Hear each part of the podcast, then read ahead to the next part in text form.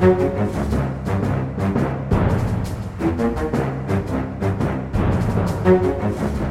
ruller vi i gang med en ny episode av Aftenpodden USA. Jeg, Øystein Langberg, er på plass i Brooklyn som vanlig, og Kristina Pletten er ikke på Frogner, men i Bergen.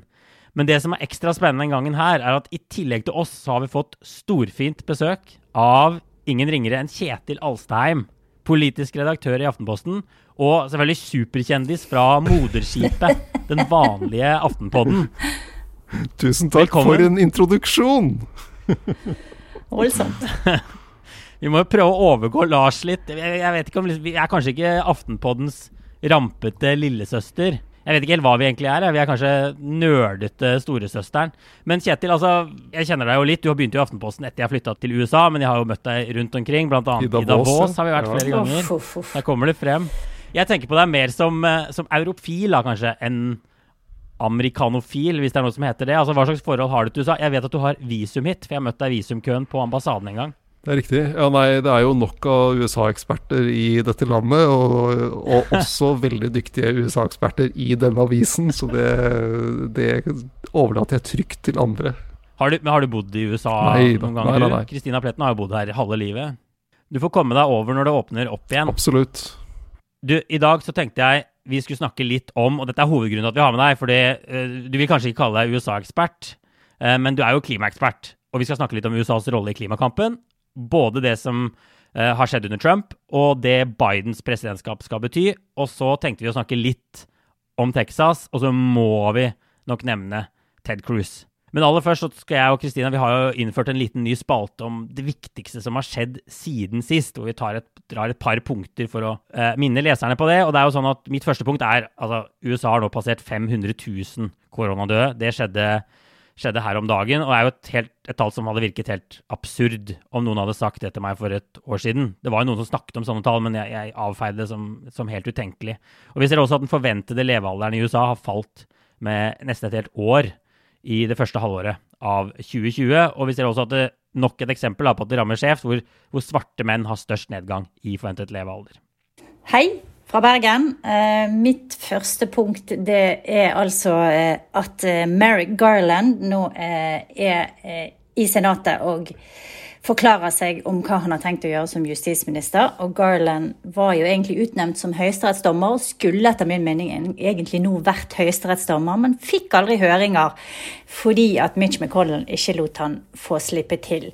Men nå har han isteden altså blitt utnevnt til justisminister, og han eh, forklarer seg egentlig om hva prioriteringene blir. Og det kanskje det mest nye er at han fokuserer veldig mye på eh, terrorisme internt i USA, altså høyreekstrem terrorisme, og det er jo naturlig i etterkant av det som skjedde i Kongressen.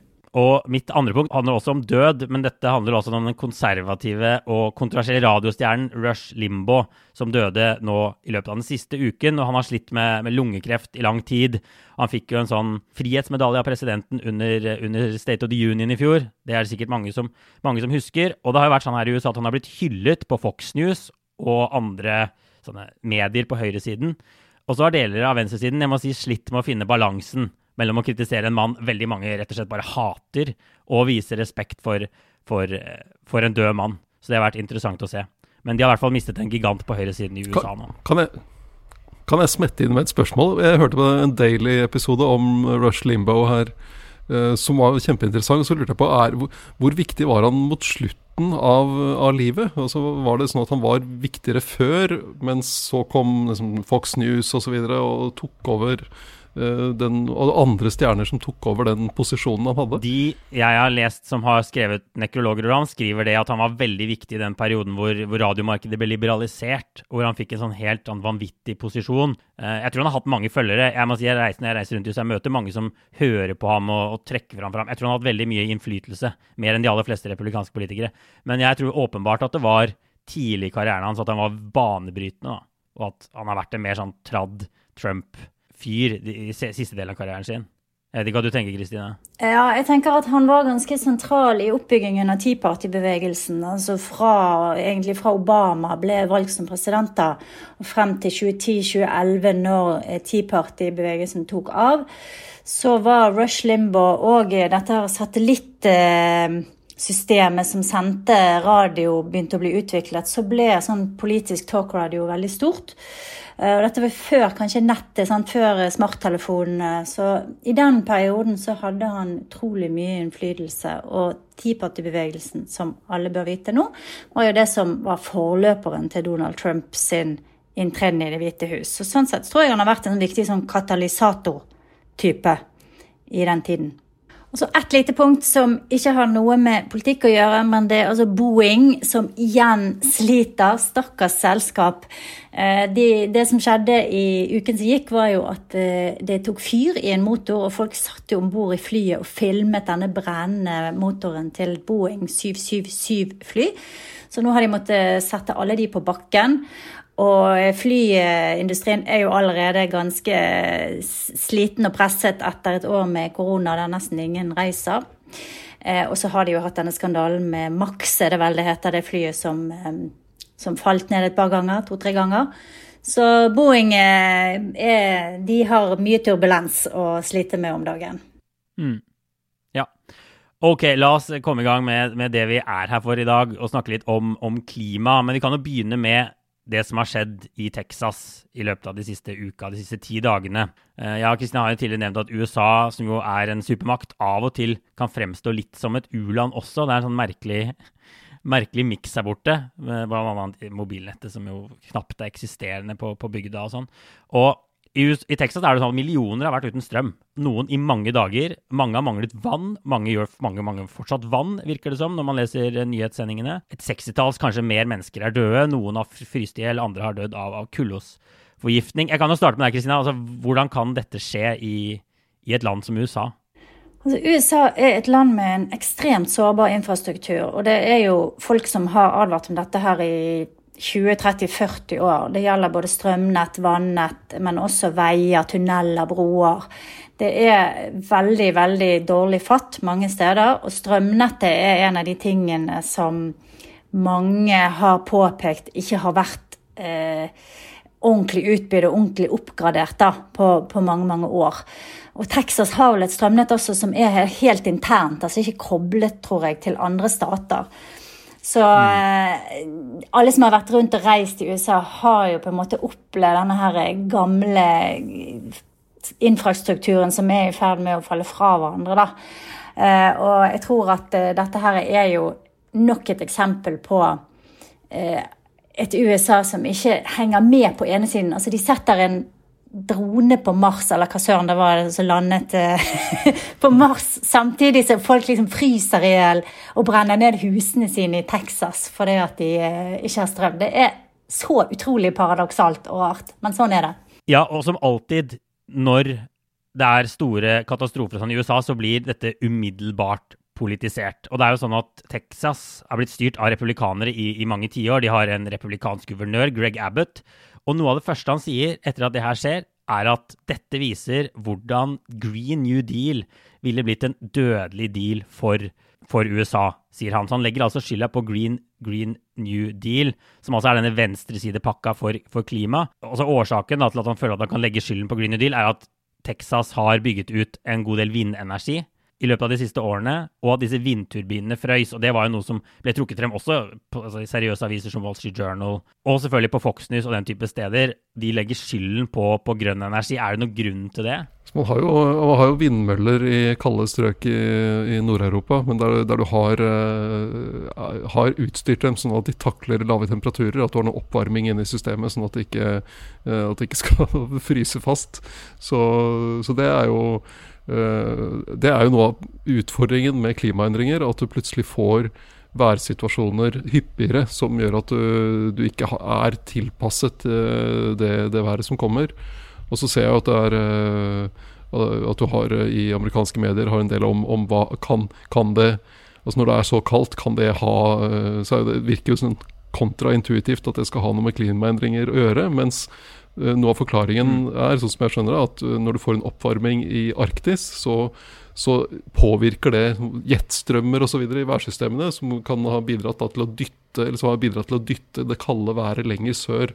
Og at, det, og at du kan få mer av sånt med, med globale klimaendringer. Så det, og det er det er jo noe av det, det verden står oppi. At du ikke bare har det at du skal uh, kutte utslipp, men du skal også tilpasse deg et klima som er i endring, og, og som uh, kommer til å altså, Og den endringen blir vi ikke kvitt. Spørsmålet er bare liksom hvor langt den går.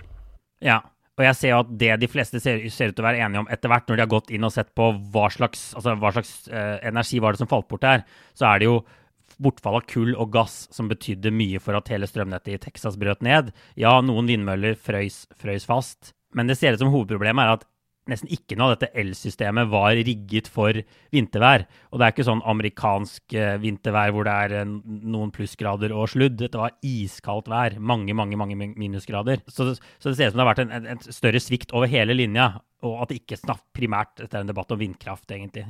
i det hele tatt.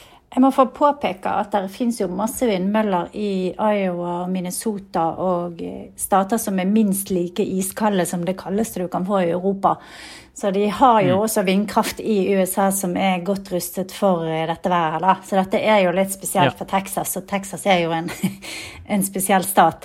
Men eh, det, det, som er interessant med, med, energibildet i Texas, er jo også at det har vært en veldig stor oljestat, men det er i ferd med å bli en veldig stor stat i fornybar energi. Og det mm. skaper et problem for republikanerne, for de vet ikke helt hvordan de skal snakke om dette her. For dette er en industri som er eh, på vei opp, som også gir penger til republikanerne. De vil ikke snakke ned, men de samtidig vil ikke bli tatt for å være for grønne. Så du kan se på måten f.eks. Abbott snakker om vind, da. At han prøver ja. å vri, vri, seg med vinden, for å si det sånn, da. For å, for å prøve å, å, lande på liksom en, en femøring her eh, i, i en situasjon som er innmari vanskelig. Så dette, dette, blir en interessant Ja, det var spennende å se Abbott på Fox News, for der kjører han den der dette Green New Deal, dødelig deal for USA, og så er det en helt annen kommunikasjon når han er på hjemmebane. Og det er som du sier, at, at Texas er ikke blant de beste statene i USA på, på fornybar, men de er oppe der. Og særlig når man tar ut uh, hydrokraft, som jo selvfølgelig er vanskelig å gjøre mye av i Texas, så altså, ligger de på topp, i hvert fall 20 stater i USA i, i fornybar, fornybar energi. Omtrent en fjerdedel av energien som kommer uh, som ble brukt i Texas, kommer fra vind. Det er ganske mye. Mm. Ja. Og så er det sånn at Venstresiden da angrep dette strømnettet til Texas, som er helt unikt. De har et eget strømnett som ikke er koblet på resten av USA, som er privatisert. De vil slippe unna føderale retningslinjer. Og de har sagt at det er årsaken til at dette kollapset. Og så da sier høyresiden igjen at Texas har stort sett hatt billigere strøm. Så jeg mange skriver at de har egentlig levert litt på det, da, men de har åpenbart ikke hatt strenge nok krav til, til vintersikring av anlegget sitt, f.eks. Men bare, sånn, vi må bare snakke litt om Ted Cruz også. For midt oppi det her så do, tok han altså og pakket kofferten og dro til, til Cancún i Mexico. Det er nesten umulig å skjønne at en så garva politiker kan gjøre en så banal feil, er det ikke? Det var jo døtrene sin skyld. Det var jo det han eh, Det er jo en helt fantastisk historie. Og det beste med den historien er at da etter at han har reist, er det en som kjører forbi huset og ser en liten puddel, eller hva det var, som titter ut vinduet. Og den Ted Cruz sin lille hvite hund, Snowflake, som den da tilfeldigvis heter, får eh, egen Twitter-konto på liksom 0, niks og tvitrer at den er alene hjemme. Det var bare en helt fantastisk eh, historie det der, fra begynnelse til slutt. Det er sånn som norsk politikk bare kan drømme om, eh, Kjetil.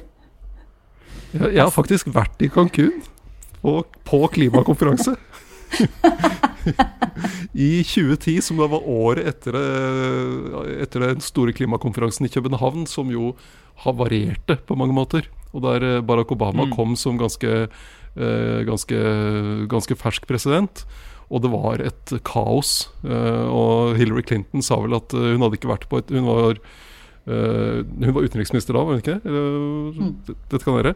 Uh, og, og, sa at uh, det møtet i København det var det mest desorganiserte hun hadde vært på siden hun satt i elevrådet på skolen. ja, med Ted Cruz, da, for å ta, gjøre oss ferdig med Ted, så kom han hjem fra Cancún lynende raskt. Han hevdet at han skulle bare over der og levere, og levere, fra seg døtrene. Det er vel få som egentlig tror noe på, da. Men han er jo også vært en del av denne veldig politiserte klima, klimadebatten i USA. Og, og Ted Cruz har jo tidligere Det de har elsket i Texas, er jo veldig narr av California. Han har tidligere skrevet at California ikke lenger er i stand til å gjennomføre grunnleggende eh, funksjoner i en sivilisasjon, som å ha stabil energi, har han skrevet. Så de har jo virkelig godt av seg de gangene ting har brutt sammen i California, for det gjør det også jevnlig der om sommeren. Det er jo den andre siden av det. ikke sant? Og da er det også enormt høy eh, etterspørsel etter energi pga. Eh, aircondition og, og den type ting. Altså, hvilken vei ser du, altså, hvilken vei ser du for deg at dette republikanske partiet går, Kristina? Når, når denne debatten har endt opp som den har blitt? Jeg tror at republikanerne er jo på en måte ferd med å finne en slags ny måte å snakke om klima på. De nekter jo ikke lenger for at endringene skjer, som var det første de gjorde. Og noen har jo også kommet så langt at de mener de er menneskeskapte. Så nå er de mer over i den eh, eh, leiren der OK, det skjer, men hva skal vi gjøre med det? Kan vi, kan vi komme med noen alternative forslag? Der er noen som er veldig ivrig på en sånn treplanting. De vil plante liksom en milliard trær, eller hva det er, eh, for å, for å oppveie eh, for utslippene, da. Så, de, så de har så vidt begynt å komme med en del sånne alternative strategier. Men de henger jo veldig langt etter fordi at de har ligget så lenge i den fornektelsesboblen. Og en del folk fortsatt ligger der. Pluss at det nå har blitt en slags sånn identitetspolitikk i det, som gjør det veldig polariserende og vanskelig. Så jeg tror at dette er et innmari sårt punkt for eh, republikanerne. Det kan på kort sikt være en, et vinnertema, kanskje. Men, men, det er liksom sant, de gamle dør ut. Yngre velgere, også konservative yngre velgere, er opptatt av eh, grønne verdier og klima. Eh, så de kan ikke holde på den linjen lenger. Og det gjør at det liksom Jeg tenker det er litt sånn som med homosaken. At det, du kommer til et vippepunkt, og så bare blir det en kjempestor tapssak for deg hvis ikke du klarer å endre standpunkt. da. Og der tror jeg republikanerne nærmer seg nå. Det var jo interessant hvor uh, altså, Republikanerne var jo i en periode et, et, annet sted enn de har vært de siste årene. Sånn som da John McCain uh, prøvde å bli president uh, og tapte mot Obama, så gikk jo John McCain til valg på å innføre klimakvoter i USA. Og så prøvde Barack Obama det som president, og det havarerte jo. Og det ble et veldig splittende tema. Men McCain valgte jo også da Sarah Palin, Drill Baby Drill, som, uh, som visepresidentkandidat. Så hans, uh, han var jo mildt sagt uh, blandet i sin tilnærming, da. Høres ut som uh, beskrivelse av Norge, egentlig. nå. Kombinasjonen der. ja. Ok, vi får gå videre. Vi har nevnt, snakket om, om, eh, om, et klimaskeptisk republikansk parti. Eh, Kjetil har nevnt at han har vært i Cancún. Og det bringer oss jo over på altså USA har jo hatt en president som jo har vært åpent i hvert fall klimaskeptiker, må man, må man si. Trakk, eh, Donald Trump trakk USA ut av Parisavtalen. Han har fjernet en hel haug med sånne Obama-reguleringer på miljø, utslipp, forurensning. Blant annet på bilutslipp, kraftverk, andre typer ting. Altså, hva kan vi si at er status for klimaarbeidet i USA etter fire år med, med Donald Trump? Nei, det, det, er jo Noe av det som mange peker på, er jo at utslippene går ned i USA. Og det har de jo, har de jo gjort til tross for Trump. Han skulle jo eh, gi nytt liv til kullarbeidsplasser mm. osv. Og, så og det har han ikke klart, rett og slett fordi markedet har jobbet mot ham. Du har hatt masse billig gass eh, som har konkurrert ut kull. Eh, du har hatt et fall i prisen på fornybar. Eh, fornybar har jo vært, hatt støtteordninger også i USA, men sånn at du har hatt en, mm. samtidig som teknologien er blitt billigere. Sånn at du har kullkraft Andelen kullkraft i USA har falt, mens fornybar og, og, gass har steget. Sånn at utslippene er gått ned, selv om Trump har reversert en del tiltak. Og så har du delstater som har fortsatt med, med sine Å drive klimapolitikk eh, eh, selv om Trump har, har, styrt med sitt. Og, og du har kvotesystem med ti delstater på østkysten. Og California har sitt uh, kvotesystem som er koblet med, med Quebec i Canada. sånn at du har, Det er jo ikke sånn at amerikansk klimapolitikk har vært helt, helt død i, i, den perioden. Og så ser du, Det kom noen tall nå for, for 2020 som viser at det var et veldig kraftig fall i i amerikanske utslipp uh, pga. pandemien i fjor. Så er spørsmålet hvor mye av det kommer tilbake igjen når økonomien tar seg opp igjen og, pandemien er over. Ja, det er viktig å rydde litt her, for man kan få inntrykk når man leser om Trumps klimapolitikk at, at, at dette bare stiger, og at USA er liksom på vei, samme vei som Kina, at det bare slipper ut mer og mer. Og det er ikke tilfellet. Eh, de er vesentlig lavere enn de var på det meste, f.eks. Uh, utslippene til USA. Og som du sa, jeg tror ja, fallet i 2020 de er tilbake på sånn 1990-nivå. Un under det, tror jeg, med de 2020-fallene. Men så er spørsmålet hvor, hvor mye ja, veien videre derfra, da. Men det er ikke sånn at det ser helt dystert ut etter disse årene med Trump. Men så er det fortsatt sånn at USA slipper ut dobbelt så mye CO2, tror jeg, som per person som, som f.eks. EU. Og de, jo, eh, altså de, slipper ut nest e- mest i verden. Ja, EU, EU, og Kina EU og Kina ligger på halvparten da, som per person da, sammenlignet med, med USA. Ja. Så de har mye å gå på fortsatt. Men det betyr også at det monner når USA kutter noen prosent. Så er jo det det monner i verden. Det monner ikke når Norge kutter noen prosent, på en måte. Så, så det er jo, det er jo ja, veldig viktig, det arbeidet, som, det arbeidet, som, skjer her. Men hva har det hatt å si, Kjetil, for, for den globale klimakampen? At USA trakk seg ut av Paris? Uh, de var egentlig bare ute i 100 dager, eller noe sånt, sånn teknisk sett. Men det er kanskje ikke det som er det avgjørende sånn tekni det tekniske? Nei, det var jo et uh, slag i ansiktet, eller slag i magen på hele den klimaprosessen. Uh, det at, at Trump vant, og dette var året etter Parisavtalen ble, ble inngått. og og en, en, voldsom nedtur for, for hele den prosessen. Men det som var interessant å se, var jo at det var ikke sånn at Eh, USA denne gangen dro andre land med seg ut. Uh, tvert imot så sa andre land at uh, vi står ved Parisavtalen, og vi fortsetter selv om USA skulle melde seg ut. Og ikke minst Kina som gjorde det.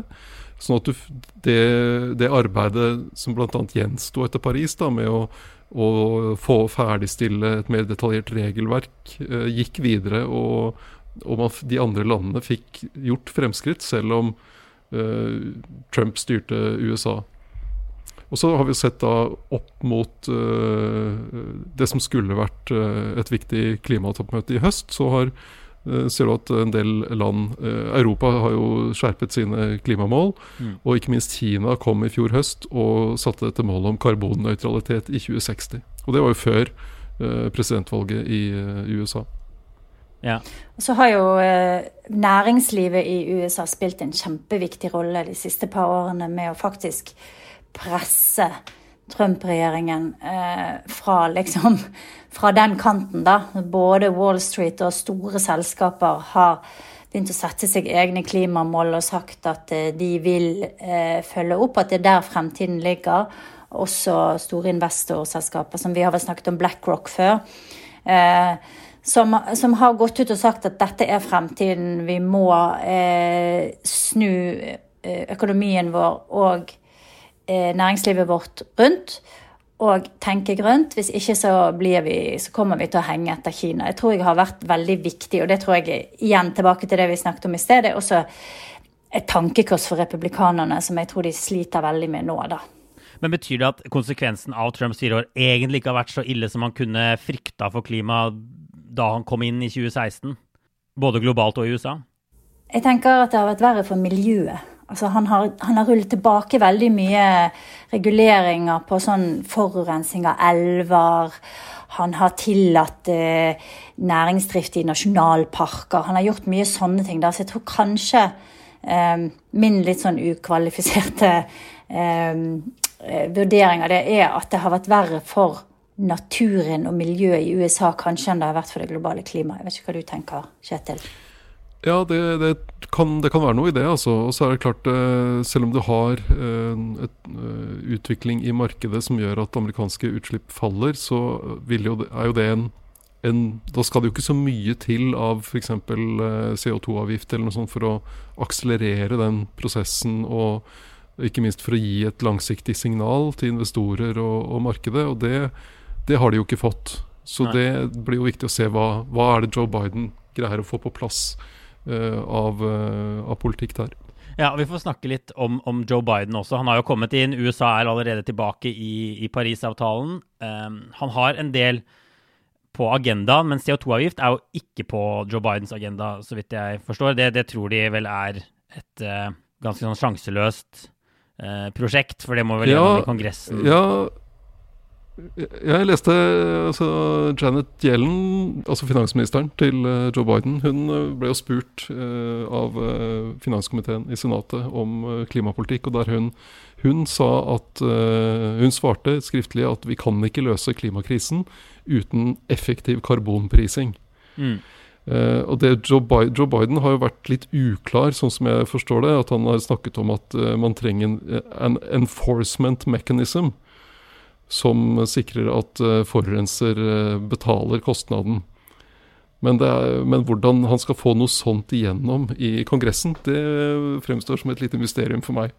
Ja, det fremstår som et stort mysterium for mange. Jeg tror Joe Biden har egentlig veldig ambisiøs klimaplan. altså enorme beløp som man har lyst til å bruke på, på klimaarbeidet. Og så er det det vi har snakket om før her, at man må ha 60 av 100 stemmer i, i Senatet for å få noe gjennom, for å få en skikkelig klimapakke gjennom. Og det virker jo egentlig helt sjanseløst, sånn som ting ser ut nå. Men så går det an å få lurt ting gjennom med andre budsjettprosesser og sånn.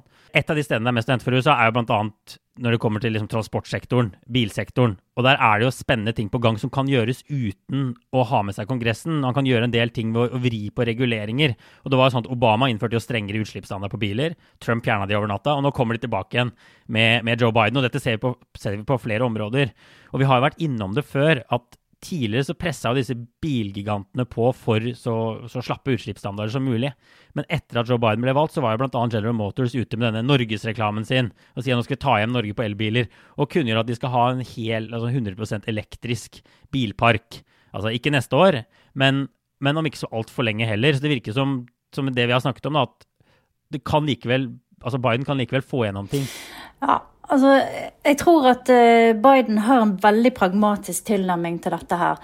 Eh, og det virker som han har forstått at han ikke kan fremme en stor pakke og bruke masse energi på at den skal feile i Kongressen, og sannsynligvis vil gjøre det.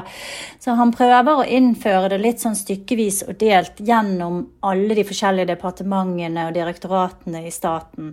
Eh, han har satt regler for statlige innkjøp. Han jobber med delstatene. Han, jeg tror han tar eh, Jeg vil ikke kalle det omveier, men en mer sånn eh, direkte og pragmatisk tilnærming til klima enn en sånn overordnet eh, eh, Et overordnet lovforslag som bare vil skape masse splid og ikke føre noe sted frem. Og så tenker jeg at Når det gjelder eh, det amerikanske samfunnet, så har de en enorm utfordring i at det er et samfunn som er konstruert rundt bil og bilkjøring, som gjør at de må kjøre mange ganger så lange avstander som vi må i Europa, bare for å leve et normalt liv, for å komme seg til skole og jobb og kjøpe mat osv. Så, videre. så de er nødt til å også omstrukturere måten samfunnet er bygd på. Og det kan du se Hvis du reiser rundt i USA, så ser du små tilløp til det at de har begynt å bygge sånne små nye byer der folk kan gå til butikkene. Og kan bo litt tettere og på en måte ikke ha det der veldig sånn de kaller det for urban, suburban sprawl. ikke sant? At det bare, du må sitte i bil for absolutt alt. Det tar jo så utrolig mye tid også. Så de må nok tenke litt sånn grunnleggende i måten de bygger på, måten de eh, konstruerer næringsliv, infrastruktur Masse sånne ting som må liksom henge sammen, da. Så jeg tror det er nesten viktigere for de enn bare en sånn top to bottom. Eh, nå skal vi innføre en lov, og så skal ja, det ordne alt. Det kan hende. det kan hende. Men det er jo ekstremt langsiktige prosesser å skulle restrukturere, omstrukturere amerikanske byer. da. Jeg bare, jeg bare, jeg bare tenker når jeg kjører rundt her at elbiler må være bare en nøkkel til suksess i USA. Og det er så mange år til man kan få de altså Tanken på at de ikke skal kjøre rundt, den er foreløpig veldig fjern. Så, så jeg, jeg, tenker at kanskje, kanskje på bilfronten er noe der man kommer til å se Bidens politikk tydeligst. Når han har med seg næringslivet, da trenger han kanskje ikke dette flertallet i Kongressen. Og så snakkes det om sånne ting som at han vil gjøre noe med kraftverk, f.eks. Eh, altså gjøre utslippskravene til kraftverk strengere. Og Det var også noe Obama gjorde, som Trump fjerna, og som nå blir gjeninnført. Men så sier de, ikke sant, da, han, da kommer han til å møte Høyesterett plutselig. Alle disse sakene vil jo bli testa i Høyesterett, som nå er mye mer konservativ enn under Obama. Og Obama møtte masse problemer i Høyesterett, bl.a. han ville gjøre noe med utslipp fra kraftverk. Så han har jo bare en, en ufattelig vanskelig oppgave foran seg for å få til noe som, noe som virkelig monner, sånn som, sånn som, jeg ser det. Det virker det som ganske mye av den klimapolitikken også er krever ganske mye statlige penger. Altså bidrag, subsidier, støtteordninger. Og det, da blir det jo fort uh, veldig dyrt å løse klimaproblemet. Ja. Men altså bare sånn til slutt, Kjetil. altså Hvor mye vil det ha å si å ha med USA? Han har utnevnt uh, John Kerry som en slags sånn utenriksminister på, på, klima. altså Hvor mye vil det ha å si for verden at USA um, er tilbake, da, som de selv liker å fremstille som? Vil det bety noe for, for, for internasjonale klimaforhandlinger? Veien videre? Hvis du ser på den prosessen som var opp mot Paris-møtet i 2015, og det at man fikk til en så ambisiøs uh, avtale i Paris den gang, så jo, handler det veldig mye om det samarbeidet som var mellom USA og Kina i forkant av det møtet med en egen avtale i 2014 bl.a. Mm. Og John Kerry var sentral i det som utenriksminister.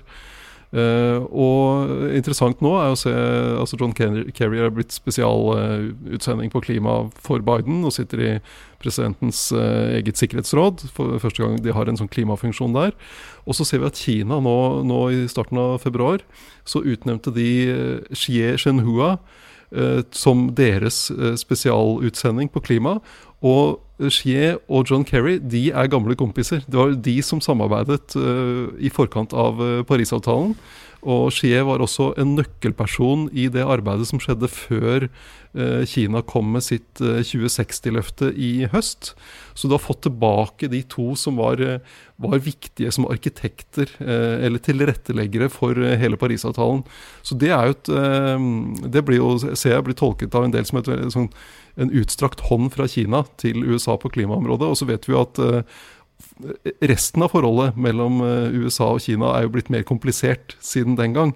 Så spørsmålet er hvordan, det, hvordan de greier å samarbeide om klima mens de har alle disse andre uh, tingene som er vanskeligere. Det kan vel hende at Kina og USA også eh, kan se på dette som et kappløp, da. Litt på samme måte som eh, Russland og USA hadde kappløp om, eh, om eh, romfart. At man kan få et sånn klimakappløp mellom Kina og USA som kan komme verden til gode fordi at man eh, ser at eh, det er her mulighetene, det er her fremtiden ligger, det er her pengene ligger i fremtiden også. Ja, Foreløpig er det jo Nor Norge General Motors legger opp til kappløp med, og ikke Kina på, på elbilfronten. Så vi får se hvordan det går. Men det er jo interessant å se. Joe Biden jo, skal jo være middelklassens mann. Han bruker veldig mye energi på å snakke om, om nye jobber. Eh, grønne jobber. Han fremstiller jo hele den klimapakken som en sånn jobb- og infrastrukturpakke. Og de kommer helt sikkert til å få gjennom deler av det, men det er som Kjetil sier, det er, det er dyrt. Men uh, dette har vi jo erfaring med i Norge. Det er jo dyrt, dyrt å drive, drive klimaarbeid. I hvert fall når det ikke skal gjøre vondt. Det er jo ikke sånn at ikke amerikanerne har subsidiert. De subsidierer jo landbruket sitt opp og ned og i mente. Så det, det, er jo ikke et sånn Selv om de liksom ikke liker å snakke så mye om det, da, så er jo de et land som bruker enormt mye statlige penger på å subsidiere næringslivet. Så sånn sett så er ikke det noe nytt. Nei. Til slutt så får vi ha en runde med obligatorisk refleksjon. Kanskje du skal starte, Kristina? Jeg eh, har begynt å abonnere på et nyhetsbrev fra noen som heter Punchbowl News, som er en ja. ny oppstart fra noen avhoppere fra Politico, som er veldig bra. Eh, og det er jo Axios var jo også avhoppere fra eh, Politico. Men vet dere hva Punchbowl står for? Så står det for noe? Noe annet enn punch, punchebolle? Punch? Det er altså Secret Service sitt kodenavn for Kongressen. Og dette, dette her eh, nyhetsbrevet det er da eh, spesielt, handler spesielt mye om det som skjer i Kongressen, ikke så mye fokusert på Det hvite hus. Det er jo litt interessant for alle USA-nerder, så det kan jeg bare anbefale. Det er gratis å abonnere på. De har òg en podkast jeg ikke har hørt så mye på ennå, men uh, Punchbowl News. Gå inn der og abonner på nyhetsbrevet deres. Yes. Og Aftenpodden sitt nyhetsbrev, selvfølgelig, som du skriver eh, om dagen, Kjetil. Ja, jeg er bare vikar for Lars. Så han er snart tilbake som uh, nyhetsbrevskribent. Ja, har du tenkt noe på det, Hva har du tenkt på den siste uka? Eller hva har du tenkt på siden forrige Aftenpodden, vanlige Aftenpodden? da? Det blir mye OR, OR ja, på det. Blir, jeg, tror jeg, jeg, reflekter, jeg, reflekterer jo ikke så mye at jeg kan gjøre det to ganger i uka. Men jeg kan komme med en liten uh, kulturanbefaling, da for å ha noe litt annet. Ja, det er um, en uh, Peter Gabriel som har gitt ut en sang på nytt, eller spilt inn en sang på nytt. Uh, en, uh, en, av hans store, Biko, fra 1980. som handler om uh, anti-apartheid-aktivisten Steve Biko i Sør-Afrika, som ble drept uh, i politiets varetekt i 1977, der sørafrikanske myndigheter ville kvitte seg med et problem. Han organiserte studenter i protester mot apartheid-regimet. Og da Peter Gabriel skrev en sang eh, som han ga ut i 1980, og som, ble, som definitivt bidro til at Biko ikke ble, ble, glemt. Og nå har han spilt inn den på nytt sammen med, med musikere fra ulike deler av verden. Eh, Yo-Yo cellisten, eh, Angelique Kidjo, vokalisten fra Benin. Uh, og ja, det er en, fortsatt en kraftfull sang, og han kobler selv dette opp mot Black Lives Matter-bevegelsen osv. Så, videre. så det er verdt å, verdt å sjekke den ut. Jeg den det er, eh, sånne samarbeid kan jo bli litt eh, kan, jo, kan jo fungere eller ikke fungere. Og så det er i hvert fall verdt å sjekke ut hva han syns, da. Kult. Du, min, min eh, OR er også kulturrelatert, for jeg har sett denne nye New York Times-dokumentarfilmen om Britney Spears, som heter 'Framing Britney Spears', som jeg er ganske sikker på man også kan se i Norge. Vi hadde en anmeldelse av den hvor det sto YouTube Premium, var et sted man kunne se den. Altså, og hele greia er jo Britney Spears uh, er satt under såkalt conservatorship, altså et formynderskap. Hun har en formynder som er faren hennes, og han har vært det i 13 år. Og han har egentlig full kontroll over livet til Britney. Og, og, det har jo også oppstått denne bevegelsen som heter Free Britney, som mener at hun må ut av dette eh, formynderskapet. Men hele debatten går jo på trenger denne dama en formynder. Det gikk jo, Karrieren hennes gikk jo rett opp og så rett i dass. Men hun tjener jo enorme beløp. Hun er jo fortsatt en, en stor artist. Så spørsmålet er jo om den lista ligger for lavt når sånn som henne kan holdes i dette, dette formynderskapet veldig lenge. Og så må jeg bare si at denne dokumentaren de har, den, er, den er en fin påminnelse om karrieren hennes. For, oss som er barn av 90-tallet, og som opplevde liksom, hennes kometkarriere. Men det er lite nytt. Altså, De har ikke kommet veldig tett på. Jeg er litt skuffa over at New York Times ikke har kommet tettere på. Eh, det er fortsatt veldig masse spørsmål, veldig mye vi ikke vet om hva som egentlig foregår i, i kulissene her. Men, men, det er en fin debatt om, om, om hele formynderordningen og, og, litt sånn skumle insentiver. De peker bl.a. på at alle advokatene på begge sider betales av dette Britney-imperiet. Og faren hennes ville ha en kutt av inntektene hennes og hele den pakka her. Så det, jo, det virker jo litt grumsete, må man kunne si. Den ligger også på NRK, bare så det er sagt. NRK. Ja. Enda bedre. Yes. Men mediene kommer ikke så godt ut her, jeg skjønt. Jeg har ikke fått sett den ennå. Nei, mediene kommer ikke veldig godt ut. og det, jeg må si det er sånn, jeg så også den Monica Lewinsky-dokumentaren, og bare det er helt sjokkerende å se hvordan vi snakket om bare sånn kvinner og kjendiser så sent som sånn i år 2005 eller 1997 eller 2000. Det er helt sånn det, Jeg håper det har skjedd en god del. Og så er den paparazzi-kulturen, da, som også er, er sånn minner om det som skjedde med, med Diana, selvfølgelig. Altså den konstante flokken av mennesker som man ikke har lenger nå. Man har mye mer kontroll over sitt eget liv på Instagram. Jeg sier ikke at det er lett å være kjendis i dag heller, men kanskje litt lettere. Men ja, jeg vil si verdt å se uh, hvis man har uh, litt over en time til å se en dokumentar. Jeg tror det var alt vi hadde for denne gang, og så er vel Aftenpodden på plass med vanlig episode på torsdag, får vi håpe, med mindre dere har tatt vinterferie alle mann. Ja, det er litt sånn vinterferiekomplikasjoner, så det er et spenningsmoment uh, denne uka, men vi prøver. Vi krysser fingrene, og så er i hvert fall vi tilbake neste uke, Kristina. Det er vi. Ha det bra.